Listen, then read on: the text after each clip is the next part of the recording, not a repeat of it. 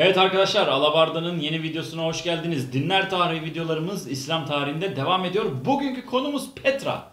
İddiaları. Evet daha çok iddiaları. Neden? Çünkü Petra ile ilgili bir sürü karmaşık iddia var. Aynen.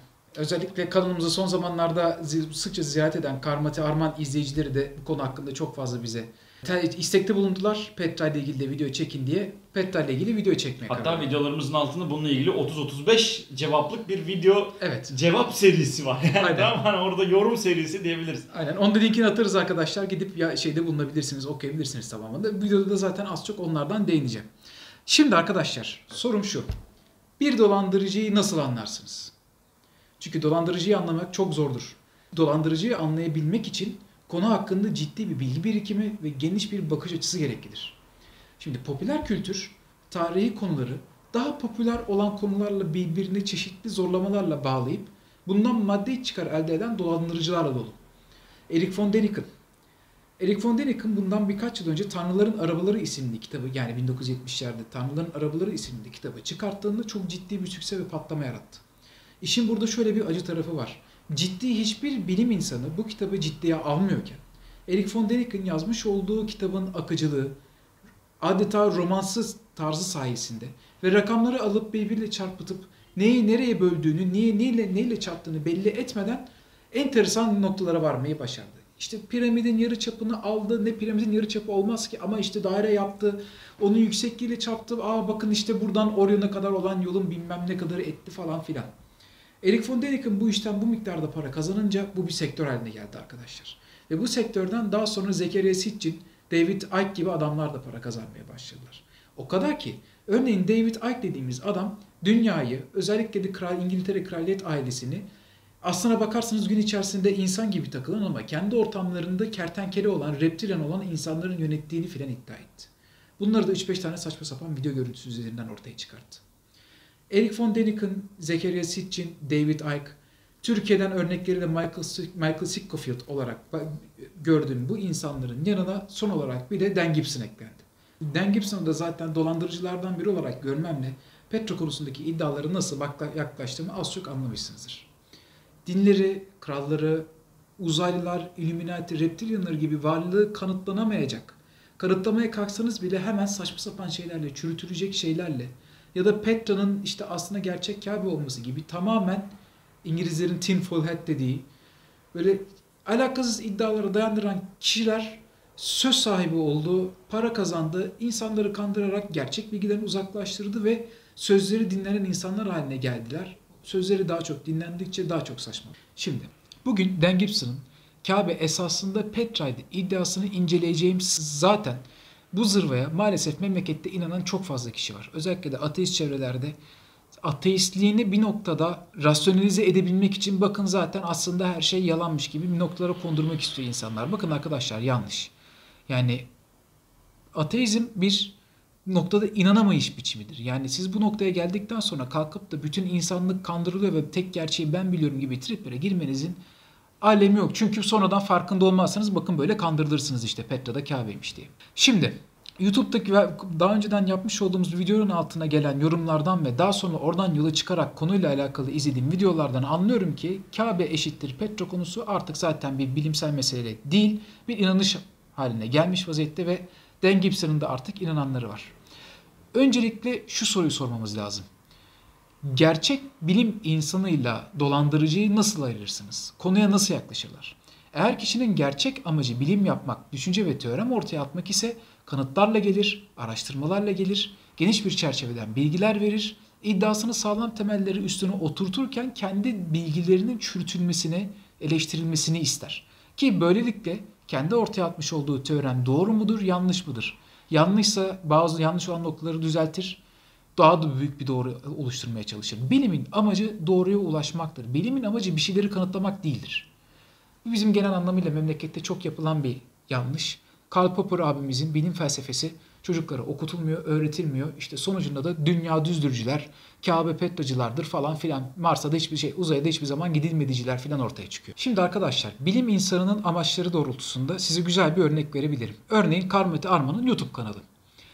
Karmete Arman'ın YouTube kanalı orada çekmiş olduğu videolar, videoların hazırlanış biçimi, kanıtları olan yaklaşımı tam anlamıyla bir bilim insanının konuya yaklaşık aşamalarını gösteriyor. Tam olarak yaklaşılması gerektiğini gösteren videolar. Çok takdir ediyorum. Çok çeşitli kaynaklardan derlediği bilgiler ışığında sorular soruyor, cevaplıyor, akıl yürütüyor ve videonun sonlarına doğru bu konular hakkında, ortaya atmış olduğu deliller hakkında yeni sorular çıkartıyor, yeni teoremler üretiyor.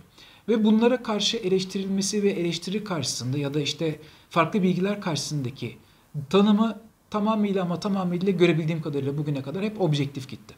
Karmati Armağan kanalını zaten takip ettiyseniz fark etmişsinizdir ki orada anlatılan şey aslına bakarsanız yani teorem Hz. Muhammed'in aslında bir kişi değil daha çok bir ünvan olduğu yani birden fazla Hz. Muhammed olduğu yönünde. Zaten bugün çekmiş olduğumuz Hanifler videosunda da aslına bakarsanız tam olarak öyle söylemese de yine günün birinde Karmati Arman için bir temel oluşturabilecek seviyede. Şimdi Karmati Arman'ın bahsetmiş olduğu Hz. Muhammed'in birden fazla kişi olabilme olasılığı aynı zamanda kendi içerisinde olası bir teorem. Neden diye soracak olursanız bir bilim teoremi ilk defa akla gelmediyse ve daha önceden bu konu irdelendiyse o zaman üzerine durulmaya daha değer. Demek istediğim şey şu. Benzer teorem Musa, Hz. Musa ve Hz. İsa için de var. Özellikle Hz. Musa'nınki ünlü zaten Sigmund Freud'un bu konuda yapmış olduğu bir psikanaliz ve kitap var. Diyor ki Musa'nın dağa çıkması ve inmesinden sonraki karakteri ve psikanalizi birbirinden çok farklı. Buna dayanarak benzer şekilde Hz. İsa için de yorumlar ortaya atılıyor. Yine benzer bir şekilde Karmati Arman'ın kanalında da o bütün videoları izledikten sonra onun da bu vermek istediği nokta bu. Yani Hz. Muhammed birden fazla kişilik. Şimdi bu konunun tarihsel bir dayanağı benim gözümde var. Öte yandan Dan Gibson. Şimdi Dan Gibson'ın videosunu izlemeden hemen önce önce onun bir kim olduğuna baktım. Çünkü iddiasının tarihsel bir dayanak noktası yok. Öbür deyişle yaşamış ve uzmanlaşmış onlarca tarihçinin, sayısız profesörün aklına gelen ve ortaya atılan bir iddia değil. Hal böyle olunca zaten teorinin uydurma olması şüpheleri benim gözümde artıyor.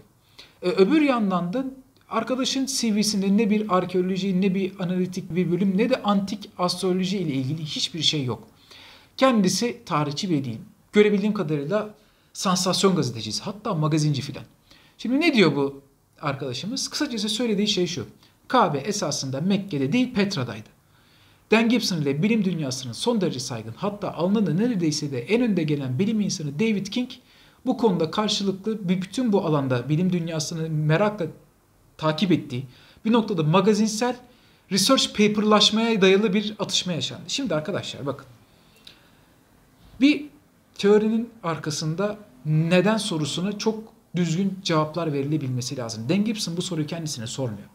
Dan Gibson kendisine bu soruyu sormadığı gibi din gibi kalıplaşmaya, kutsaliyet kazanmasına son derece yakın bir konuda çok önemli bir iddia ortaya atıyor. Diyor ki bakın bu en başından beri böyle değil de kandırıldınız. Şimdi dinlerin şöyle bir özelliği vardır arkadaşlar. Dediğim gibi çabuk çimento haline gelir. Hızlı bir şekilde asfalt olur ve bir daha da onu bozamazsınız kolay kolay. Bozmaya kalkarsanız işte bugün mezhep savaşlarında gördüğümüz gibi Şiilik, Sünnilik, Ortodoks ve Katoliklik gibi şeyler oluyor. Bunlar çok ufak tefek tartışmaların çok çok ufak farklılıkların sonucunda ortaya çıkmış büyük ayrımlardır. Şimdi arkadaşlar benim en çok da gücüme şu gitti. Dan Gibson gibi ne üdüğü belirsiz bir gazeteciyle bilim dünyasının son derece saygın hatta alnında neredeyse en önde gelen bilim uzmanı, bilim insanı David King bu atışmaları yaparken Tabii ki David King'in ortaya atmış olduğu, akademisyen olmasını da getirmiş olduğu ciddiyetle yazmış olduğu research paper son derece kaliteli, son derece düzgün, gerçek anlamıyla bir akademisyen elinden çıktığı belli olan bir şey. Öbür yandan Dan Gibson'ınki gerçekten benim lisedeki dönem ödevimden daha ciddiyetsiz, daha saçma, herhangi bir kaynakçası bilmem nesi yok. Şöyle olmuştur, böyle olmuşlarla dolu ama buna rağmen Dan, Dan Gibson'ın ortaya atmış olduğu teorem David King'inkinden çok çok daha ilgi çekiyor. Çok çok daha fazla paylaşılıyor. Çünkü sansasyon. Başka hiçbir sebebi yok. Sadece sansasyon olduğundan dolayı bu böyle. Yani ortada böyle bir saçma sapan bir iddia var ve bunu ucundan azıcık birazcık destekleyebilecek herhangi bir şey. Bu arada bunlar desteklemiyor ama ucundan tutturup çektirtiliyor böyle. Hani tükürüklenerek yapılmış iddialar tutunca birden herkes David King'in üzerine gelmiş. Nerede? YouTube'da. Tabii ki Dan Gibson'ın güçlü olduğu yer burası. Şöyle bir şey var. David King'in araştırma sını okudum. Daha doğrusu onun yayınlamış olduğu makaleyi okudum. Tabi o makalenin bir kısmı ağır derecede matematik formülsel hesaplamaları geliyor ve diyor ki Arap dünyasında özellikle Hz. Muhammed zamanında camiler Kabe için ayarlanırken, hizalanırken aşağıda görmüş olduğunuz matematiksel yöntem kullanılıyordu diyor ve gerçekten de zor bir formül var orada. Zaten harflerini anlamadığınız cinsten şeyler olur ya. Trigonometrik hesaplar. Bu da öyle bir şey. Şimdi David King'in son derece düzgün yazmış olduğu bu araştırma makalesini Dan Gibson'ın anlamadığını, okumadığını, okusa bile o matematiksel formüllerin içinden çıkamayacağına da adım gibi eminim. Ancak dediğim gibi Dan Gibson'ın zaten böyle bir derdi yok. Dan Gibson'ın tek bir derdi var. O da elinin altındaki teoremi destekleyebilecek en ufak bir şeyi bile körükleme ve olabildiğince gaz bir şekilde atlamak. Bütün bu bahsetmiş olduğum bilim dünyasının ilgiyle merak ettiği, ilgiyle takip ettiği bu araştırmalar sırasında da, atışmalar sırasında da tabii Dan Gibson'a akademik çevrelerden son derece fazla destek geldi ve hatta yazmış olduğu bu makale son derece de atıf da aldı. Tabii Dan Gibson'ı kimse takmadı.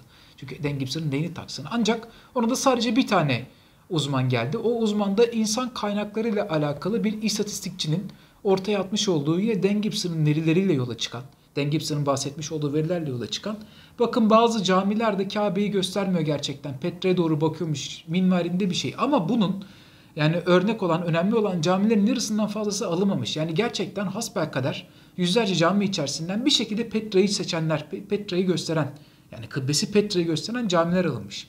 Burada şöyle bir ufak bir sorun var arkadaşlar. Petra ile Kudüs birbirine çok yakın ve ilk dönemlerde kıble Kudüs'teydi Müslümanlıkta. Dolayısıyla Müslümanlığın ilk kurulan camilerinde kıble zaten Kudüs'e bakıyordu. Ve hatta ve hatta daha öncesinde de herhangi bir kıbleye bakma olayı bile olmamış olabilir. Dan Gibson'ın Sacred City yani Kabe eşittir Petra iddiasını ortaya attığı videoyu izledim. Daha önceden de izlemiştim ama belli bir noktadan sonra açıkçası çok takmadım. Neden takmadım? Çünkü videoda eleştirecek binlerce alan var ama kafadan şöyle bir uyanıklık yapmış. Yani işte bir tane caminin böyle duvarını çiziyor. Orası kıbleymiş güya. Tabii kıble olup olmadığını bilmiyorum. Caminin içinde görmedim. Hindistan'da camiyi seçmiş. Kıblesi aha bu arkadaş diyor. Duvar bu diyor.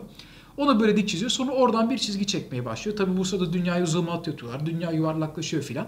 O böyle o çizgiye gidiyor zıbam diye Petra'yı tam 12'den vuruyor. Arkadaşın kendi savunmasını, kendi tezini savunma yöntemi bu. Yani bir tane animasyondaki çizginin yamulduğunu da bu arada görüyorum. Yani bu konuda da zaten optik illüzyon yaratmak çok kolay. Dünya yuvarlak olduğu için, abiler de uyanık olduğu için onu yamuk çizmiş.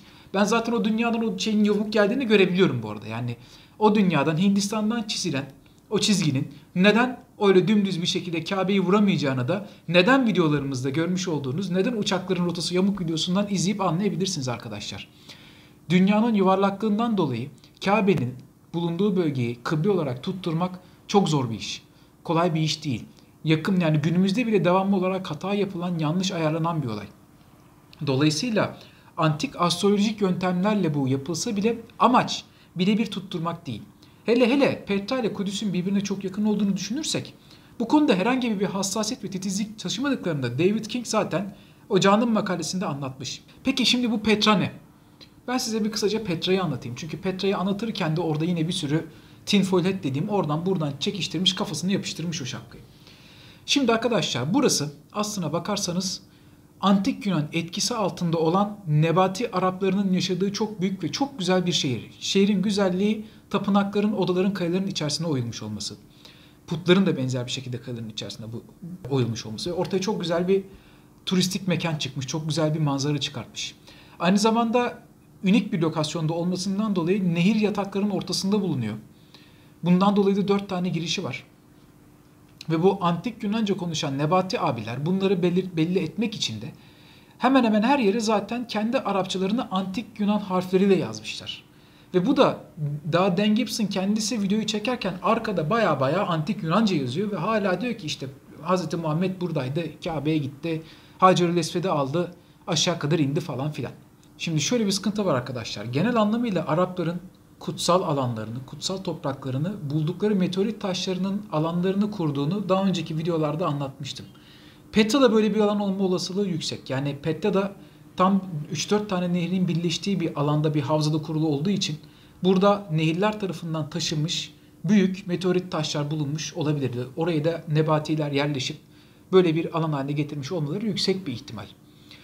Petra Mekke'den bakılınca ki en büyük sorun da bu. Kudüs ile neredeyse bir iz düşümü içerisinde. Yani Mekke'den Kudüs'e doğru baktığınız vakit bir şekilde yolunuz Petra'dan da geçebiliyor. Zaten Dan Gibson iddialarına kafadan soru işareti düşüren bir diğer olgu bu.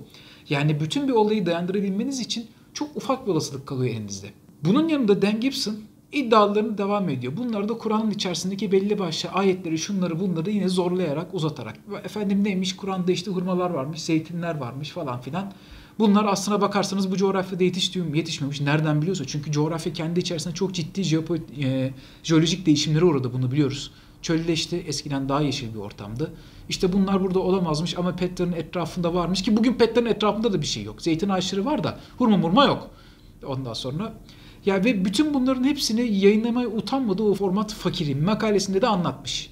Ama tabii bunlar şu şekilde anlatılıyor. Yani öyle çocuksu ki bir yerde şey diyor mesela yani Hendek Savaşı'nda pagan Arapların orduları Medine'yi güneyden değil kuzeyden gelerek kuşatıyor. Eğer gerçek Kabe güneyde olsaydı e ordu güneyden gelerek kuşatırdı. Ya arkadaş yani biz Age of Empires oynamış nesiliz arkadaş. Tamam mı? Yani gerekirse haritanın dibinden dolaşırsın. Total War'da zaten arkasından dolaşıyorsun. Kaldı ki adam iddiasının yanına bir tane fotoğraf koymuş. O fotoğraf da Paint Terk. Böyle oklar moklar çizmiş. Orası da Medine'nin gerçek haritası değil. Medine arkadaşlar U şeklinde bir dağ sırasına kurulmuş bir şehir. Ve bu U şeklinin U'sunun açık alanı kuzeyde. Dolayısıyla nereden gelirseniz gelin o şehri kuşatmak için kuzeye gelmeniz lazım. Adı bu yüzden dolayı Hendek. Çünkü Hz. Muhammed savunabilsinler diye o U'nun tamamını Hendek kazarak kapatıyor. Dolayısıyla güneyden falan filan kuşatma söz konusu değil. Şimdi ama tabii bunu bu şekilde söylemek, bir süre alabildiğince iddialar ortaya atmak ve bunlara böyle doğruymuş gibi davranmak. Aynı zamanda bunun arkaya böyle bir güzel müzik vermiş. Böyle açılar maçılar bilmem ne falan filan. Ruhani mistik bir ortam falan filan. O baba çakıyor kitapları DVD'leri. YouTube'dan paralar bilmem ne falan filan. Kaç tane dilde gördüm. Ya ben çok az belgeselin Türkçe'ye çevrildiğini gördüm. Dan Gibson'ın Secret City belgeseli Türkçe'ye çevrilmiş. Tamam mı? Yani adamın iddiaları saçma sapan yani osur osur ipe diz ama abi tutuyor işte bir şekilde bu ortamlarda. Bu konuyla ilgili, Petra konusuyla ilgili benim en çok komime giden Dan Gibson'ın ya sakladığı ya da bilmediği bir konu daha var. Petra'nın yaklaşık 100 kilometre güneyinde yine tam Kabe Kudüs iz düşümü üzerinde Petra'nın neredeyse ikisi sayılabilecek ikinci bir kent daha var arkadaşlar. Üstelik oranın adı da Hegra. Yani oranın da adı Kaya. Şimdi Petra Kaya demek anlamına geliyor. Zaten Dan Gibson bunun üzerinde çok duyuyor. Ona göre işte Hegra, Hagra, Hagar, İbrahim'in karısı ki Müslümanlıkta İbrahim'in karısı normalde Yahudilikte cariyesi. Hagar kaç şey demek, taş demek, kaya demek. Hagar aynı zamanda kaçmak demek. İşte hicreti anlatıyor filan gibi. böyle tamam mı? Dedim ya osur osur ipedis. Böyle bir iddiası var arkadaşın. E tamam Hegra'yı ne yapacağız? Hegra da nebatilerin. Üstelik de benzer tapınaklar orada da var. Lat, Uzah ve Menah'ın da tapınağı var. Ve onların başka bir tanrısı daha var bu arada Nebati Arapların taptığı. Onu da unuttum. Arkadaşlar bakın birebir aynısı. Şimdi böyle bir şey varken o zaman ben de hemen başlıyorum abi o zaman. Sallıyorum. Abi Hegra zaten Hz. İbrahim'in karısının adı Hagar'dı. Hagar Hegra olmuş. Hegar Hegra'da Hacer olmuş. Hacerül Esvet Kaya, siyah taş. Bakın aslına bakarsanız Hagar'dan Hegra'ya geliyoruz. Yani Hacerül Esved'in esas yeri Hegra'ydı. Kaçırdılar. Peki niye kaçırdılar bilmiyorum. Kaçırdılar. Yani bence Petra değildi arkadaşlar. Gerçek Kabe Hegra'ydı. Oldu mu? Olmadı. Kitabını yazarsan olur. Kitabını yazarsam bir tane de video çekersem arkada güzel müziklerim var arkadaşlar. Onu da koyarsam oluyor. Şimdi bu komik iddialarından bazılarında zaten cevap vermiştim. Onları bir daha burada cevap vereyim. Şimdi güya neymiş? Hicr suresi esasında Petra'yı anlatıyormuş. Şimdi ben Kur'an-ı Kerim'i okudum arkadaşlar. Yani Hicr suresinin o Hicr eşittir Hacer'e bağlamış. Hazreti İbrahim'in eşi Taşkaya demek. Petra'da Latince'de Taşkaya demek. Oradan bir şey. Şimdi hicret etmek, hicreti terk yani hicrete şey yapmak oradan da bir bağlantı kurmuş. Bir kere Hacer'in ismi Tevrat'taki Hagar'dan geliyor ve İbrahim'in karısı Sara'dan kaçışıyla bağlantılı. Çünkü Sara'dan kaçıyor bu kadın normalde. Bu İslam'da geçmiş olmasa da Tevrat'ta var ve Hagar'ın da ismi olduğu gibi aktarılmış. Şimdi geri kalan isim şeyleri tek tek yazamayacağım ama her etimolojik benzerlik de arkadaşlar öbürünü çağrıştıracak diye bir şey yok. Çok düşünen hatalardan biri. Bütün kelimelerin anlamının kayı olması bize hiçbir şey ifade etmiyor. Yani bir kalkıp da Kabe o zaman budur dememiz için herhangi bir şey yok. Aynı zamanda işte Emin Belde diye geçiyor Mekke için. Aynı zamanda bu Kabe için de geçerli olabiliyor. Aynı zamanda işte Petta'nın da Emin Belde yani dört tane girişi var. Dört tane girişi var başka haricinde yok. Dolayısıyla burası girmesi zor bir yer. Dolayısıyla burası Emin Belde diyor Dan Gibson. Arkadaşlar sorun şu Mekke'de de dört giriş var. İkisi zaten birbiriyle benzer coğrafyalarda kurulmuş şehirler. Bizi hiçbir yere vardırmıyor bu. Haricinde Enam suresi 92'de geçen Umme el Kura yani kolonilerin, şehirlerin anası. Petra zamanının ticaret merkeziydi. İşte birçok kişi bunun şehirlerin anası olarak çevirmiş. Aslında burada Petra'dan bahsediliyor. Şimdi arkadaşlar bakın Kur'an-ı Kerim'de de daha doğrusu bu tarz kutsalliyet atfeden metinler bir şey bahsetmek istiyorsa onu bahseder. Tamam mı? Yani Kur'an-ı Kerim değiştirilmiştir dedikten sonra ondan sonra da kalkıp bakın aslında burada Petra bahsediyor dediğiniz vakit çelişkiye düşmüş oluyorsunuz. Değiştirildi mi değiştirilmedi mi? Kabe'yi değiştirdilerse bunu da değiştirirler. Kaldı ki Enam suresinin o 92. ayeti ve Şura suresi 7. ayette geçen Ümmül Kura Mekke de olabilir. Çünkü Mekke, Habeşistan, Yemen, Suriye hattının en önemli ticaret merkezlerinden ikincisi ya da üçüncüsü. Bir tanesi Yemen'de, bir tanesi Suriye'de olmak üzere Şam. Üç tane şehirler bunlar. Yani Arabistan'ın bağlantı noktası Mekke. Dolayısıyla Ümmül Kura olması normal. Ki adamların zaten şehrin neredeyse bütün üst sınıfı tüccar. Bunlar olmayacak da kim olacak tüccar? Neyse bunu da geçiyorum. Hücurat suresi hücurat hücreler demek işte bu surenin dördüncü ayeti burada odalardan bahsediyor. Yani hücreler, odalar, Petra'da kayalara oyulan oda evler mevcut. Buradan da işte aslında bizi oraya anlatıyor falan filan. Ya her oda dendiğinde bizim aklımıza Petra mı gelecek? Petra'daki kayalara oyulmuş ev olması anlamını nereden çağrıştırıyorsunuz? İşte bunun haricinde Rum suresi var. Diyor ki işte Rum suresi Rumlar yakında bir yerlerde yenildiler diyor. Öyle bir şey var gerçekten. Rum Romalı demek zaten ve Romalıların bugünkü Mekke'li yakından uzaktan ilgileri yok diyor. Bu bir şeyini de söylüyor. Şimdi bir kere yakından uzaktan ilgilerinin olduğunu ben size daha önceden bir önceki videoda söyledim. Bilmiyorum ne zaman yayınlanacak ama Romalılar Mekke'yi biliyorlar, alakaları var. Mekkeliler de Romalıları biliyor. Arkadaşlar yani Romalı'yı bilmeyen yok o tarihte. O zamanlar Bizans'ta geçiyor. Mısır ondan. E yani Mısır'dalardı zaten daha geçen gün ve yani her yerde Hristiyanlık var ve artık Hristiyanlık bu tarihlerde Romalı olmakla bütünleşmiş bir kavram. Şimdi dolayısıyla birbirlerinden haberleri olmamaları mümkün değil ama Dan Gibson diyor ki bu savaşı biliyorlardı çünkü Petra'ydı aslında. Petra'nın hemen güneyinde oldu. Halbuki Mekke'ye çok uzak. Ya arkadaşlar bakın. Şimdi mesafe yanlış ölçmüş olabilirler, olay yakında olmuş olabilir, şu olabilir, bu olabilir. Bu bize Kabe'nin Petra olduğunu anlatmıyor. Daha aslına bakarsanız çok fazla şey var. Mesela Tin suresinin ilk 5 ayeti diyor ki zeytin ve incir Petra'da yetişiyordu. Sinada Petra'nın hemen batısında. Ondan sonra Emin Belde ile de kastedilen zaten derin bir vadi, dört dağ girişi bulunan Petra. Dolayısıyla burası bu. Şimdi Tin suresinde bunların yetişmesiyle ilgili bir şey yok. Orada sadece bir ant var. Yani şu işte zeytine, incire, tüye yüne andolsun ki falan filan diye giden bir sure o. Ama bunlar burada yetişiyor değil. Yani bu adamlar bunları ticarette almış olabilirler. Yetişip yetişmediğini zaten arkeolojik kazılarla anlayabiliriz. Onu da yapamıyoruz. Araplar izin vermiyor orada böyle bir şey yapmana. Yani zaten orası adamların bir numarada gelir kapısı abi kusura bakma biz iki bilim yapacak süreyle bir kazacağız der mi? Yer mi? Ki o dönemdeki coğrafi ve iklim koşullarından kaynaklı olarak zeytinin bütün Akdeniz alanında yetiştiğini biliyoruz. Aynı zamanda bir de bir rakım RQMN diye bir şey var. Rakim. İşte bu da Dan Gibson'ın abartmalarından biri. Onda da şunu söylüyor. İşte Kehf suresinde diyor ki sen bizim ayetlerimizden Azab-ı Kehf ve Azab-ı Hakim'in durumlarını şaşırtıcı mı buldun? İşte Petra şehrinde yaşayanlara da Rakim halkı deniyordu. İşte abi o e, Ashab-ı Rakim ve o bunlar da Rakim konuyla ilgili işte Kur'an'da Petra Dan Gibson Türkçe alt yazılı bir YouTube videosu var. Onu şey göstermişler. Arkadaşlar bakın. Şimdi mevcut olan iddiasını Dan Gibson bir tane Fransızın arada yapmış olduğu beyler böyle bir bağlantı olabilir tarzında bir makalesinden almış. Yani bulabilmiş olmasını takdire şayan görüyorum. Dan Gibson böyle çok araştıran bir adam değil çünkü. Şimdi Rakim hakkı falan dediği yer bir mezarda R, Q, W, M harflerinin bulunması. Ama bunlara halk denmiyor yani. Bunların bulunması Petra'nın Semitik karışıklığı olabilme ihtimali üzerine duran bu Fransız arkeoloğun sadece ya beyler bu konuyu bir araştıralım diye düştüğü ufak bir not. Yani konuyu buradan alıp kendi kendine bakın ne kadar güzel bir şey çıkartıyor. Aa işte rakım bilmem ne falan. Bir mezarda yazan şeyden aa bunları Petra. Arkadaşlar Petra hakkında nebat ediyorlardı. Bu. Kendi aralarında da böyle rakim makim dediğine dair herhangi bir kanıt yok. Dolayısıyla işte tabi bu rakımı alıp buradan işte Petra eşittir hicret o da oradan kaya falan filan bir sürü denklem kurmuş bir de abi. Ya gerçekten enteresan ama tuttu. Tutturdu mu? Tutturdu. Bu, da bu konuda artık söyleyebilecek çok fazla bir şey kalmıyor yani.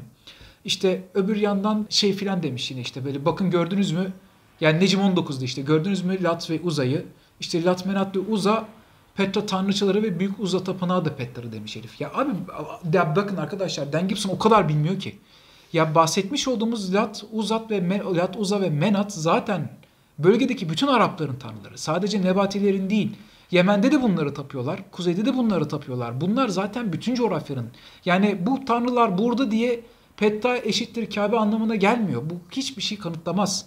Dediğim gibi az önce bahsettiğim Hegda'da da var. Habeşistan'da da var bunların tapınakları. Hemen hemen bütün bölgede var. E işte şey Nisa 117'de de şey diyor işte dişileri tapıyorlar falan. Ya zaten Latmenat uzat tanrıça ya.